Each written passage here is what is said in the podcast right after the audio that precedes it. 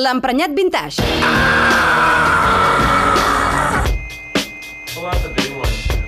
Amb Ricard Martín. Bon dia, carcamals experts. Avui toca parlar de...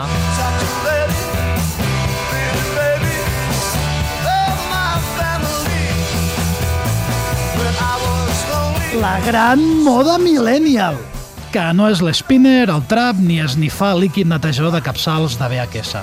És el tatuatge. Escoltem Rory Gallagher, Tattoo Lady, rock i tatuatges.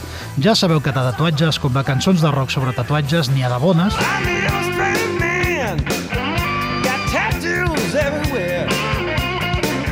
Escoltem Johnny Winter, l'home il·lustrat, i de dolentes.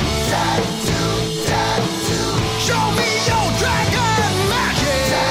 Com aquest decebedor tatú de Van Halen en el seu disc de retorn en David Lee Roth. Quan jo era petit, portar un tatuatge era sinònim de ser un artista, un convicte, o en tot cas, algú molt perillós. Were talking to each other what makes a man a man. Was it brain or brawn or the month you were born? We just couldn't understand. O bé, d'altra banda, com canten The Who en aquesta excelsa cançó Tattoo, un tatuatge et definia com a ésser humà. Curiosament, els millennials han superat de llarg els col·lectius dels que parlava abans en la seva obsessió per tatuar-se.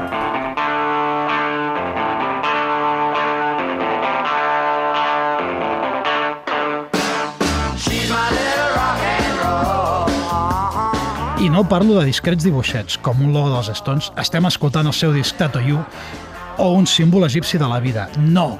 Parlo d'un barbut amb bermudes que vaig veure l'altre dia pel carrer. En una anticuixa hi duia dibuixada una torradora. En l'altra, una torrada, amb mantega i melmelada. Eh, dibuixet tatuat de Miró deu voler dir que t'agrada Miró, amor de mare, que t'estimes la mare, o com em diu perquè el Roger l'altre dia va veure una noia que amb una bambràs duia una cafetera i l'altra una carxofa. No se la va lligar, suposo que li devia preguntar pel sentit del tatuatge, però bé.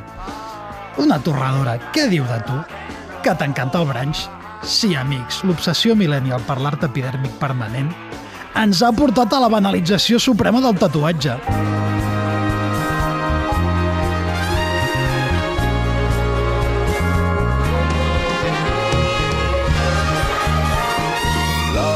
I escoltem la cançó principal de Vacaciones en el Mar perquè mm, durant dos dies de creuer no us ho recomano, anar de creuer és com viatjar en una fregidora flotant no vaig poder evitar donar-me'n que tota la gent que tenia un llibre a la mà no tenia tatuatges, i viceversa.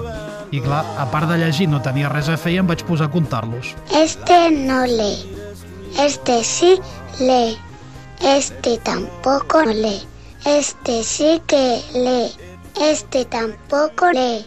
Esta sí que lee. D'aquest estudi empíric vaig arribar a la conclusió que Si no quieres ser como estos, lee. quanta més tinta la pell, menys tinta llegida. Ara bé, hi ha una dada curiosa. El 70% dels millennials que es tatuen ho fan d'una manera que es pugui amagar el dibuixet o dibuixot fàcilment. Ja sabeu, de cares a atendre el públic o les entrevistes de feina. Ja em direu si sota aquesta autoafirmació no s'amaga una mena d'autonegació que fa enrojolar.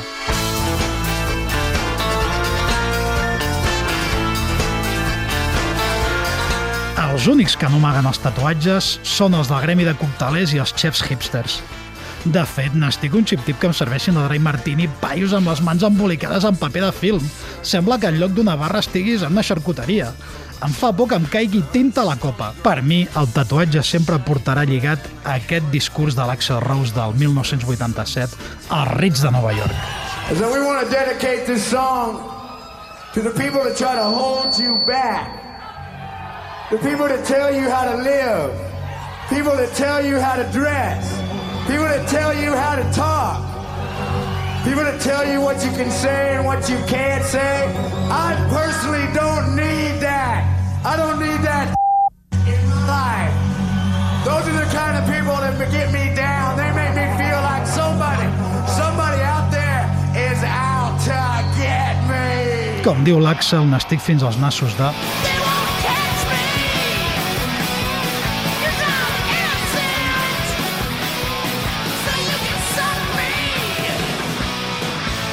de la gent que et diu què has de fer, com has de viure i com vestir. I les hordes de tatuats ximples bàsicament us diuen Honest a nosaltres, carcamals vintage, a menys que no es condemnin a 20 anys en una presó turca, la pell neta! Els experts, amb Roger Saró i Albert Miralles.